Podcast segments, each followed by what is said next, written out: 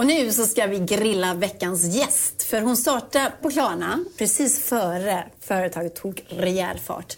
Och sen så följde hon med Klarna-grundaren Niklas Adalbert till Norrsken och investerade hans pengar. Nästa steg i karriärresan var att bli partner i riskkapitalbolaget Blossom Capital i London. Men sen så slog coronapandemin ner och det förändrar precis allt. Louise Sammet, berätta. Du hoppar av hela karusellen eh, och ett toppjobb. Vad var det som hände? Ja, alltså för att lägga till lite i det där introt. Så det som fick mig att börja på Klarna mm. eh, från första början var att jag var med i någonting som heter Unga Aktiesparare. Eh, som är en organisation för folk som är intresserade av aktier. Och där var jag då på en, eh, en föreläsning med Sven Hagströmer som precis hade investerat i det här coola bolaget med tre grymma grundare. Eh, och han berättade om hur fort saker och ting hände på det där bolaget. Och då kände jag så här, jag satt på ett Teliaägt bolag, saker och ting gick inte jättefort. Eh, och så kände jag, där vill jag vara. Mm. Dit, eh, där kan jag lära mig. Eh, jag vill vara med på en sån där resa. Och sen så, så eh, hörde jag mig till Klarna och som tur var så höll de med. Och sen så, så fastnade jag där mm. länge. Mm. Hade fantastiskt kul, lärde mig väldigt, väldigt mycket. Men det här intresset av att investera har alltid varit med mig. Ehm, och det gjorde att det blev liksom naturligt när jag började få investeringsmöjligheter som ängelinvesterare. Jag hade möjlighet att då eh, gå in i vissa bolag.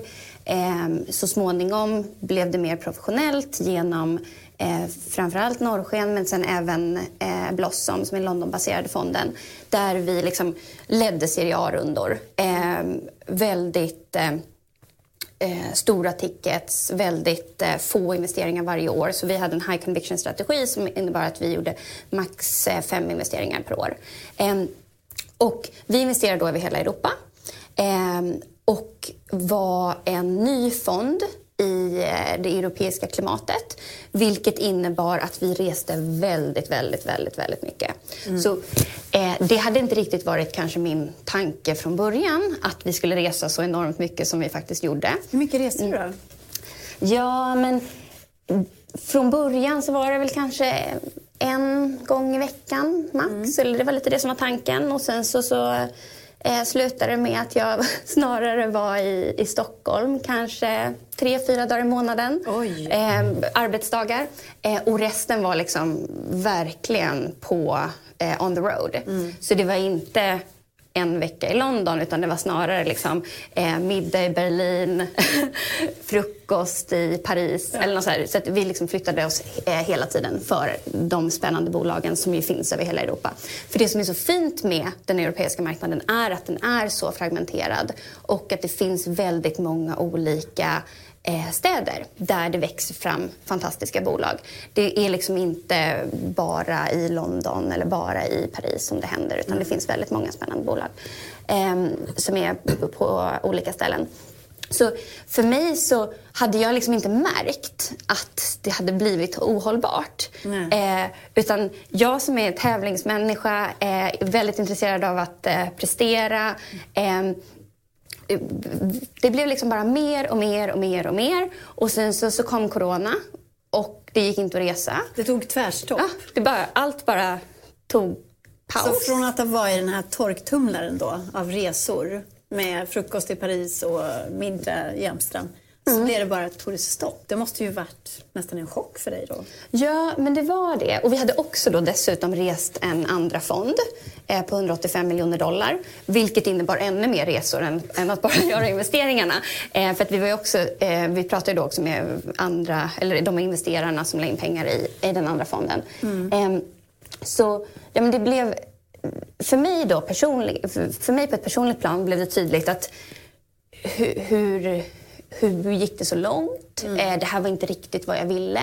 Eh, jag kände ganska fort så här, shit vad kommer hända när resandet börjar igen? Mm. För, För just satt du där hemma med, med, din familj och kanske upptäckte oj, just det, jag har en familj också. Ja, nej, nej, inte riktigt så.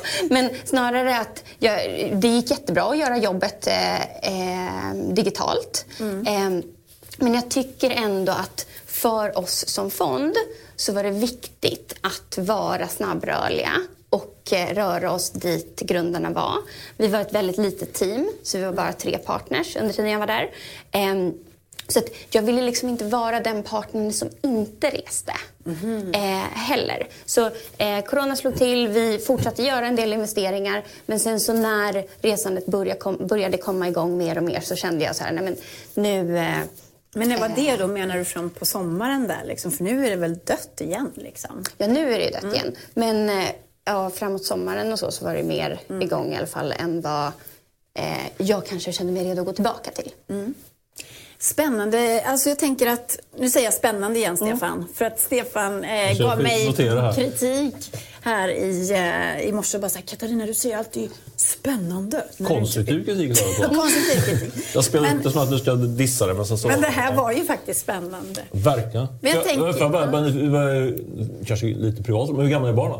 Tre och fem. Tre och fem, ja. Mm. Men hur funkar det med, liksom, för då innebär det att du var borta? Liksom... Jag var borta väldigt mycket. Ja, och jag har en man som också reser mycket i jobbet. Så vi har väldigt mycket hjälp hemma. Ja. Och det är det som har fått eh, det att funka överhuvudtaget. Ja. Ehm, men det blev, liksom, det blev så otroligt tydligt att det blev bättre såklart av att vara hemma. Mm. Ehm, och, eh, eller av att eh, vara fysiskt på plats i samma land. Liksom. Mm. Eh, också för mig och min man. Han driver ett bolag som är baserat i USA. Så att han reser normalt Herregud, sett dit varannan ja. vecka. Ja. Varannan vecka? Japp. Oj. Vad är det största ja. du har vunnit på den här livsstilsförändringen, tycker du? Eh, men så egentligen så är det inte så himla mycket av en ja, livsstilsförändring. Jag, kanske, jag har ju faktiskt slutat resa så ja. galet mycket. Jag har ju varit i samma land väldigt länge nu. Eh, men Eh, jag gör väldigt mycket, tycker jag, samma sak. Mm. fortfarande. Jag utvärderar bolag, jag pratar med andra, liksom tar, tar deras eh, eh perspektiv och tankar. Eh, det jag har vunnit är liksom att jag själv eh, eh, har mycket mer energi. Jag tror att jag kanske förhoppningsvis fattar lite smartare beslut. Mm. Ehm, ja. Men du, jag tycker det finns en kontrast här, eller hur Stefan? Håller du med mig om det här? Eh, det finns ju en ivrig diskussion om det här med work-life balance. Och i eh, den här världen, när man intervjuar eh, entreprenörer och så vidare, så är det ofta väldigt viktigt att ha en balans och tala om att man tränar och man har tid för familjen och egen tid och allt vad det är och sådär. Men jag undrar, är det en image, tror du, för de flesta entreprenörer och eh, folk som jobbar i branschen, eller är det en verklighet? Att man faktiskt har det? Alltså jag vet inte. Jag tror att eh, det, är väldigt, väldigt svårt. För när man är intresserad av någonting och mm. verkligen vill göra någonting. Jag tycker att det är jättesvårt att ha en sån här balans. jag har i alla fall inte hittat det. Men därför så tycker jag snarare att man, man lever sitt intresse eller och sen så mm. råkar det vara ens jobb kanske eller vad det nu är man gör för någonting. Eh, det här med jag har jättesvårt att eh, separera vad är det som är arbetstid och vad är det som är privat. För att det går liksom bara ihop. Mm. Mm. Och så har det egentligen varit under ganska lång tid. Alltså även under, eh, under tiden som jag har jobbat på fonden. För att mycket, många av de mötena som jag har är lite svårt att utvärdera. Är det, är det här jobb eller är det privat? Det är väldigt trevligt. Vi är kompisar här nu. Ja. Men du sitter alltså hemma nu i alla fall mm. och gör ungefär samma sak. Utvärderar bolag du handlar på börsen. Mm. Mm.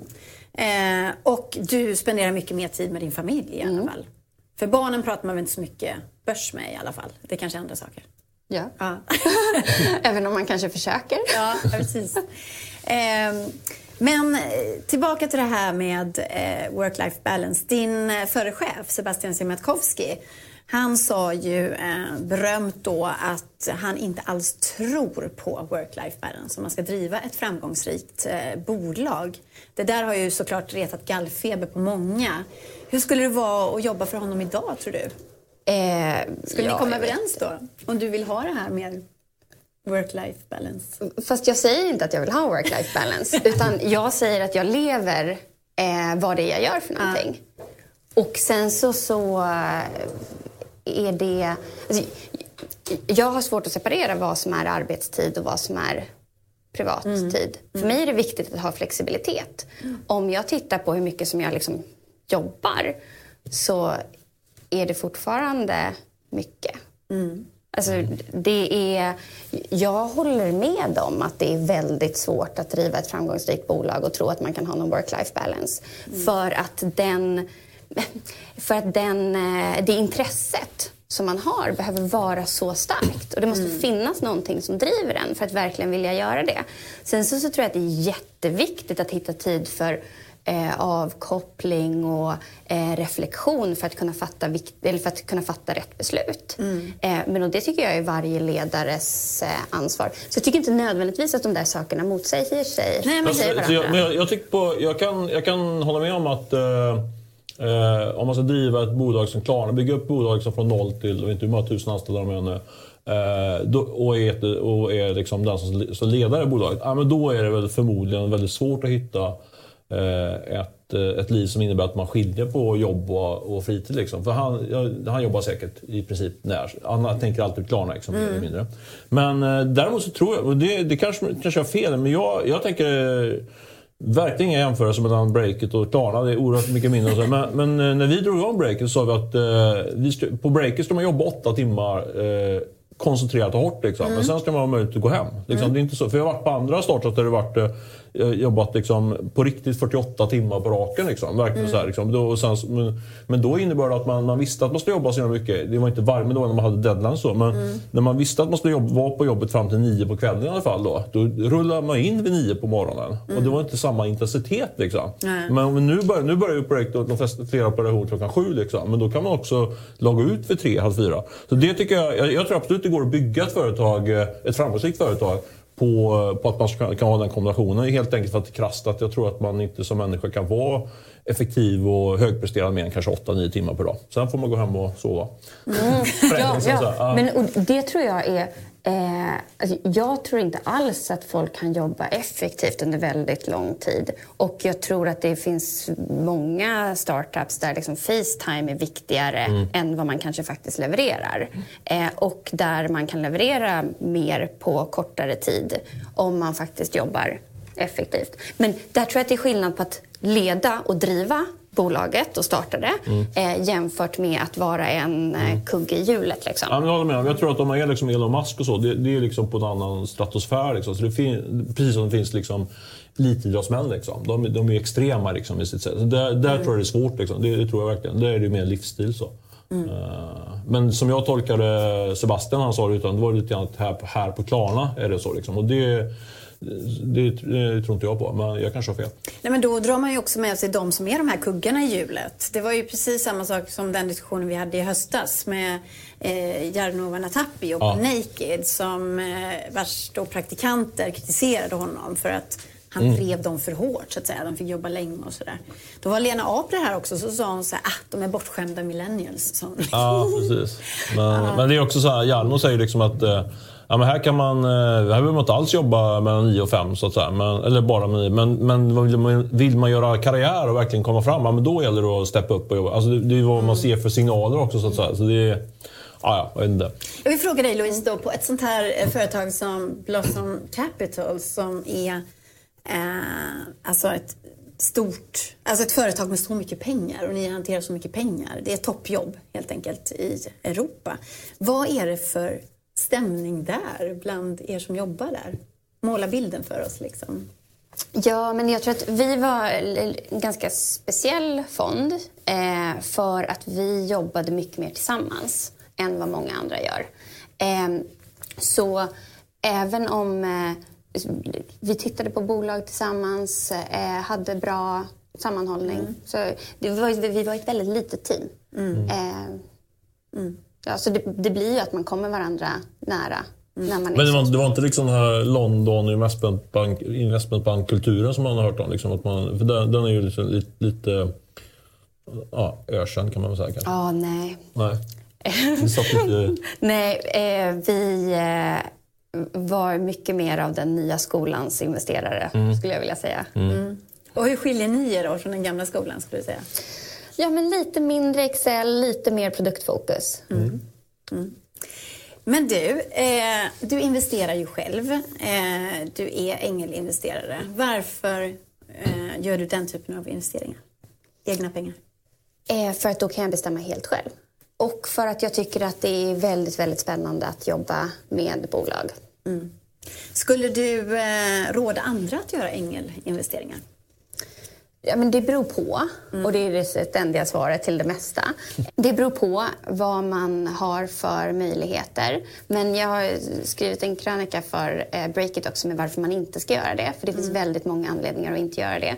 Och om man tittar på eh, investeringsklimatet just nu och så som det har sett ut under hösten så har det verkligen funnits en enorm potential i den publika marknaden. Mm. Och då är det väldigt, väldigt svårmotiverat att gå in i någonting där det inte finns likviditet. Mm. Vilket man måste komma ihåg om man gör ängelinvesteringar. Att det, man måste verkligen räkna med att bli av med de pengarna. Jaha, men, men varför gör du det ändå då? Fastän du inte tjänar några pengar kanske?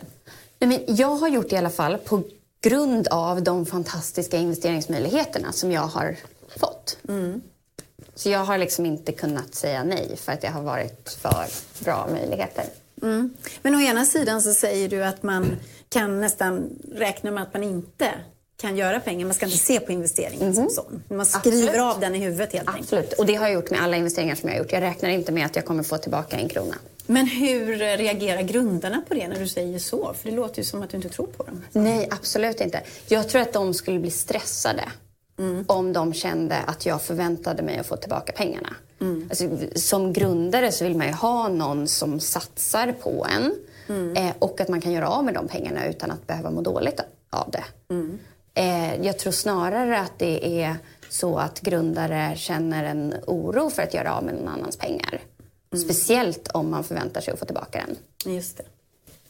Eh, och eftersom vi har det här så vill man ju veta, Stefan, eller hur? Vad, vad hon kommer satsa på framöver. Ja, verkligen. Mm. Mm. Vad tänker du? Vad är spännande segment just nu? För du har ju ett öga för att leta upp de här bolagen som är på väg in i en växande marknad. Vad är det du tittar på nu?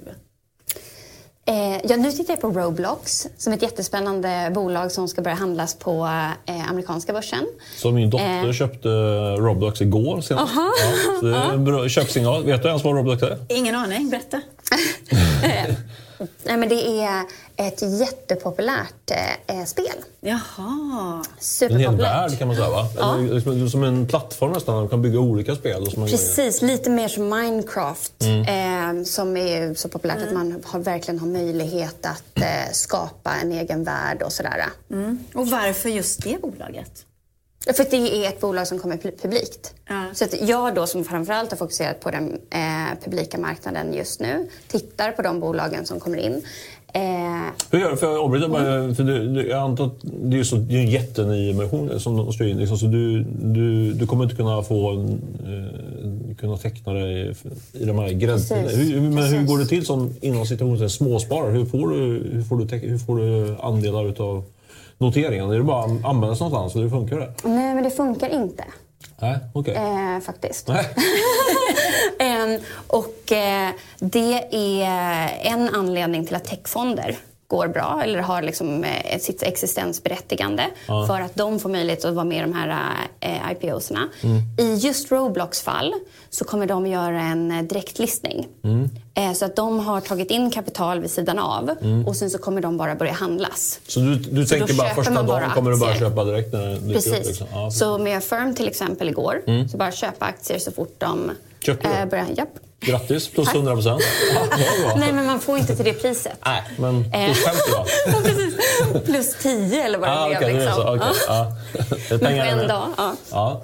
Eh, nej, men så jag tittar framför allt på den typen eh, av bolag eh, just nu. Mm. Eh, och då blir det väldigt eh, opportunistiskt beroende på de bolagen som kommer in. Mm. Och det är ju liksom, det finns, in, det finns en enorm potential för bankers att tjäna pengar i de här IPOsarna som kommer ut. Eftersom att de får ju köpa nu till underpris eftersom att de här prissättningarna inte fungerar. Mm. Eftersom att den publika marknaden värderar mycket högre än vad de gör. Ehm, och det gjorde ju att både Firm och Roblox sköt fram sina IPOs till den här, delen av, eller till, till den här sidan av årsskiftet istället för att ha eh, gått publikt under december, vilket var deras eh, eh plan från början. Men Så, Men gör du dem i en sån ren som spekulation då, att de ska gå upp snabbt första dagen? Eller tänker du att Roblox är något du ska äga i fem år? Liksom, Ja, lång, lång, lång sikt. Eh, så om man tittar på... Jag, jag gör ingenting kortsiktigt. Det är liksom min, så här. Sen så händer det att jag försöker göra i alla fall. Det Jo, brukar ibland inte gå så sitter jättebra. du och daytradar sa du till mig. Ja, nej, men det brukar, ibland så, så, här, så ser jag någon möjlighet så bara, måste jag eh, göra men det är inte min strategi, det ska jag inte göra. Eh, jag brukar bara försöka göra det om det är ett bolag som går ner väldigt, väldigt mycket. För det brukar vara så att marknaden överreagerar. Så om det är någonting som går ner väldigt mycket, där jag tycker att det finns potential, eh, då brukar jag passa på att köpa på mig lite. Så om man tittar på Unity till exempel, som är ett bolag som eh, började handlas i hösten, så har jag liksom så fort det kommer en dipp, köper jag på lite till.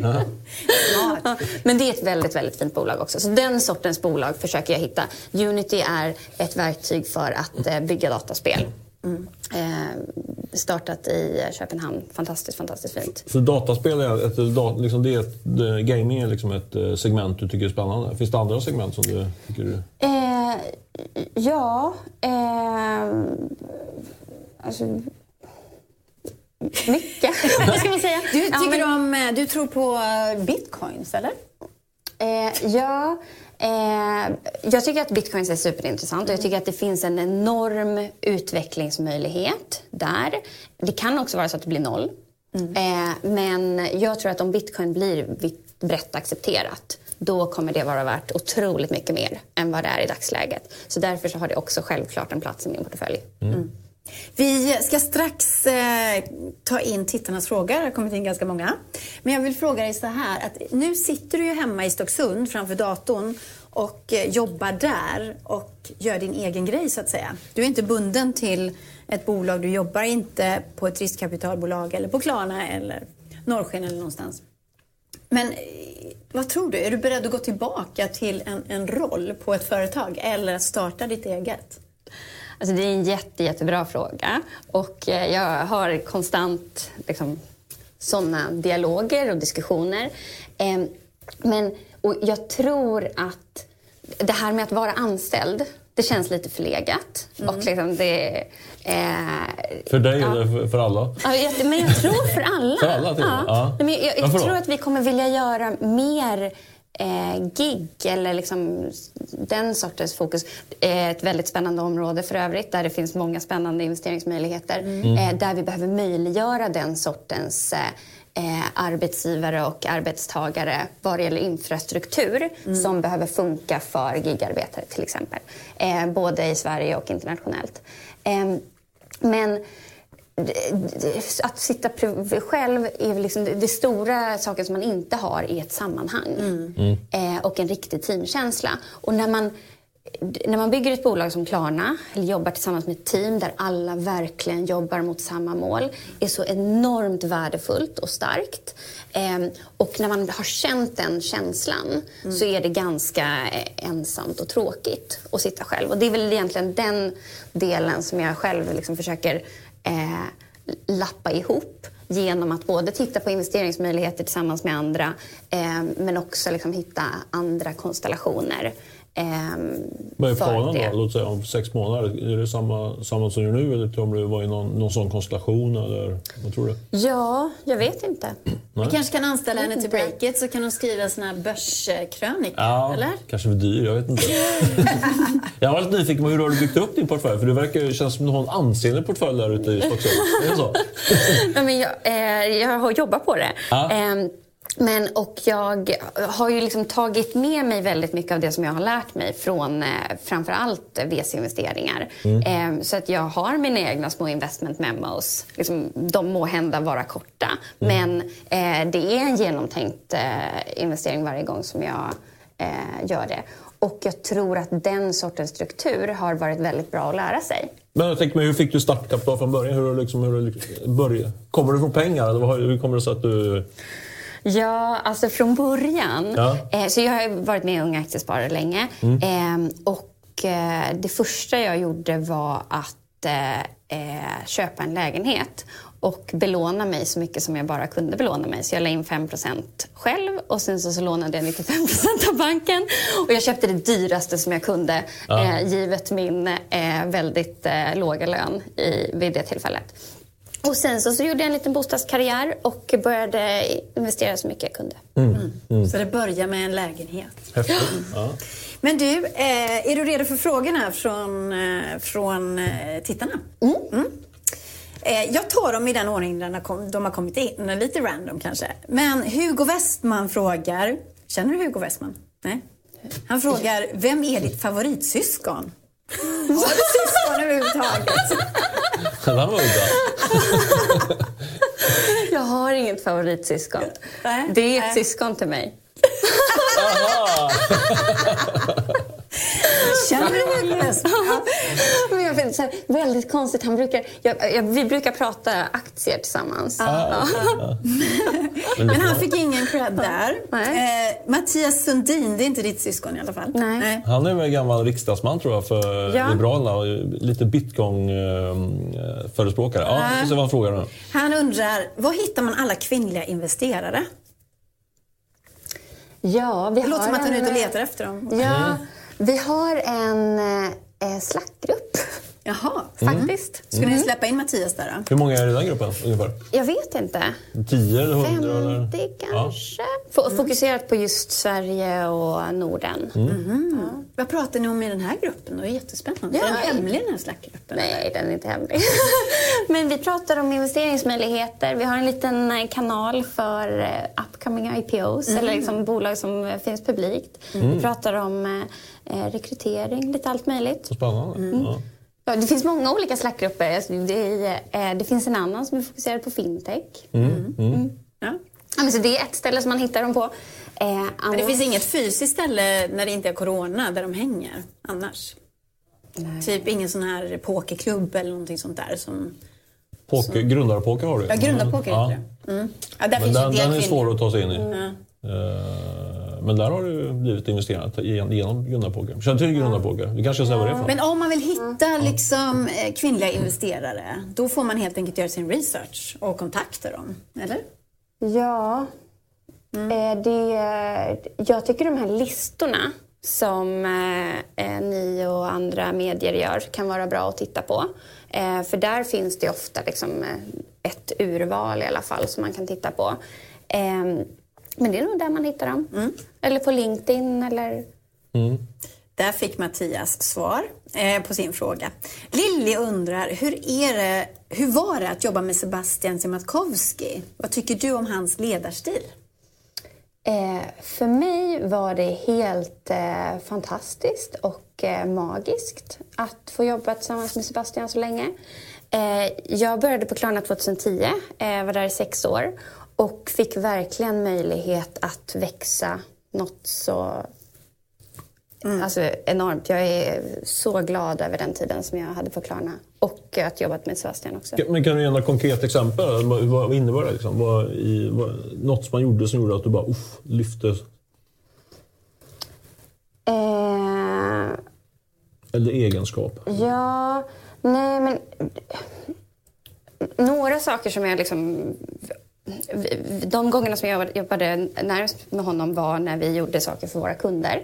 Ehm, och då var han alltid öppen för att eh, för, för den bästa lösningen. Det spelade liksom ingen roll vem som kom med den, om någon hade rätt eller fel. Om man ifrågasatte eller tyckte att han hade fel så spelade det ingen roll så länge som vi liksom uppnår det bästa. Eh, väldigt liksom, prestigelös eh, ur det perspektivet. Och det tyckte jag var bra. För ofta kan det bli så här eh, när man jobbar i ett bolag som växer snabbt. Nej, men Sebastian sa. Och sen så ska man bara göra det. Och då så kunde jag säga så här, nej men det kan nog inte riktigt stämma. Eh, för nu är det någonting som är tokigt här. Och då eh, kunde det vara så att han eh, menade någonting annat. Eller liksom. Men det finns ju vittnesmål om att han har ett hett temperament och också har blivit arg på folk och så där. Råkade ut för det någon gång, hans, hans temperament? Eh, ja, nej, men jag har nog inte råkat ut för någonting. Eh, eh, men jag, Sebastian har utvecklats enormt mycket som person från eh, 2010 till nu. Jag tycker att det är eh, så imponerande att se. Eh, någon som liksom förbättrar sig själv. På vilket Eh, sätt menar du? Ja, men som att eh, delegera mer, till exempel. Eh, som är någonting som är ganska jobbigt att lära sig. Som jag personligen var tvungen att lära mig. Som jag ser Sebastian har fått lära sig. Som min man, som eh, också är eh, startup-VD, får lära sig. Det är ganska jobbigt. Speciellt när man verkligen, verkligen bryr sig eh, om hur saker levereras. Och då, då tycker jag att det är väldigt imponerande att se att eh, men, hur eh, den utvecklingen skedde under den tiden som jag var på Klarna i alla fall. Från att liksom vara väldigt mycket nere i detaljer till men nu är det den personen som ansvarar. Mm. Och att se den personliga utvecklingen. Och det tror jag är väldigt eh, utmanande eh, när man är grundare av ett bolag för att man behöver växa och utvecklas snabbare än bolaget. Annars behöver man ersättas av någon annan. Och det har han hållit i då. Han har liksom vuxit med bolaget och tagit de stegen som det krävs för att bli en, en ledare för en större och större organisation så att säga. Ja. Eh, du kanske saknar honom? Du kanske vill tillbaka till Klarna? Eh, alltså det finns vissa saker som jag saknar med Klarna.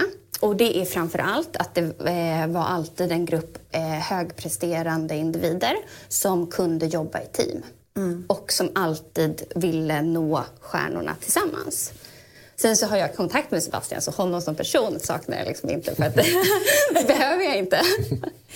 Eh, Ninja22 undrar när du tror att Klarna går till börsen. Du vet ju lika lite som vi säger du ju. Eh, fastän du då känner Sebastian. Jag kan tänka mig att ni sitter och pratar om det någon gång, eller hur? Kommer du i så fall att investera? Självklart. Och jag tycker också att det finns... Alltså tiden på börsen nu är ju fenomenal om man är ett bolag som Klarna. Så om du fick bestämma, när skulle de gå till börsen då? Ja, men det har aldrig varit mer fördelaktigt än vad det är just nu. Sen så kan man ju inte säga, det kan ju vara ännu mer fördelaktigt sex månader från nu, det vet vi inte. Eller så är det kaos. Du kan inte smsa Sebastian nu och fråga så vi kanske kan få med det svaret. Eh, du, eh, Sua83 undrar, vad är det viktigaste vid en pitch? Skulle du säga? Eh, det viktigaste vid en pitch är att få fram sitt eh, budskap.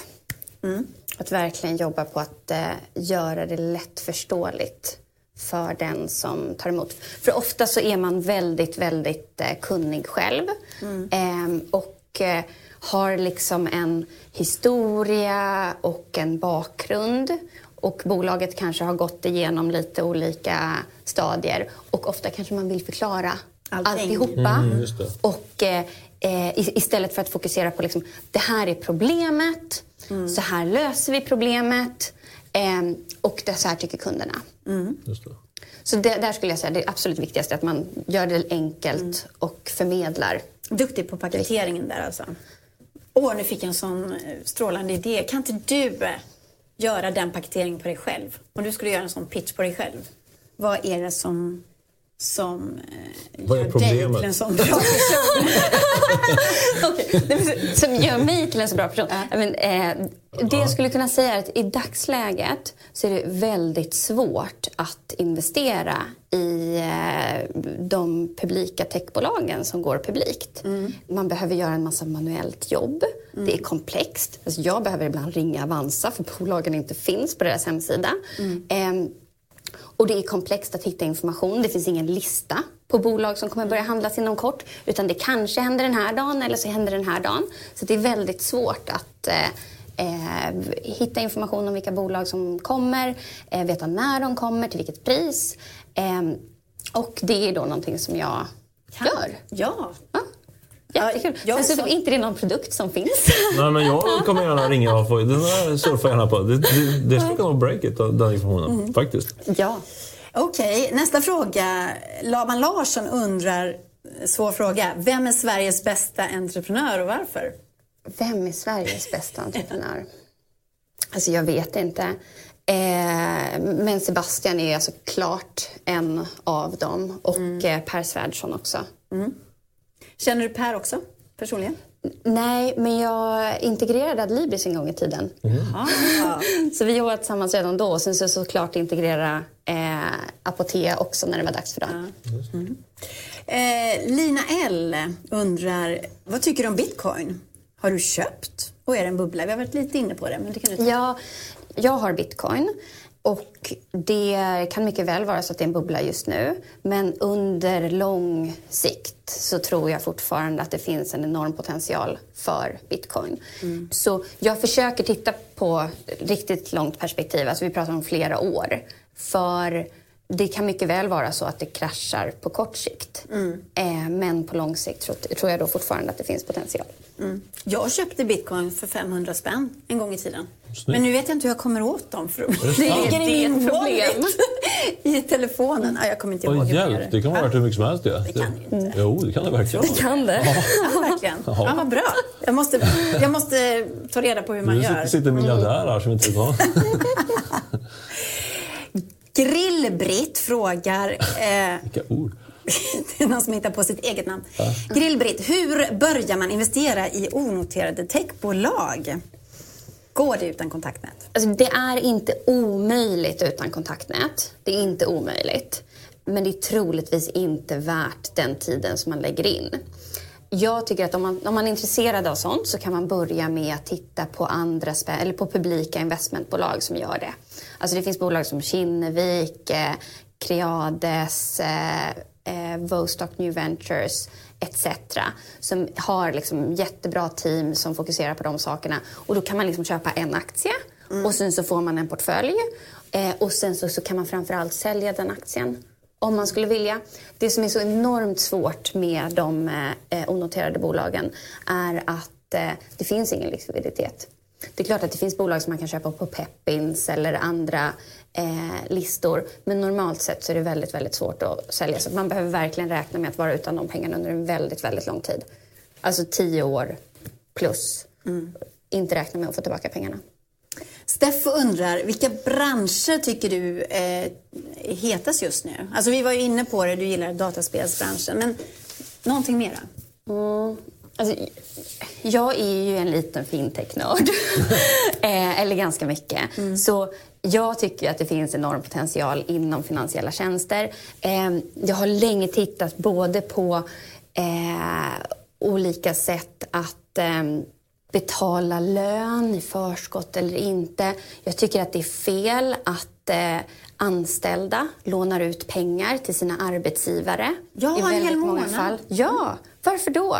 Det är stora bolaget som har alla pengarna. Ska den anställde behöva låna ut pengar till dem? Jag tycker det är, liksom, jag tycker det är fel. Jag tycker det borde finnas mycket, mycket fler lösningar eh, för att kunna eh, ha en smooth inkomst.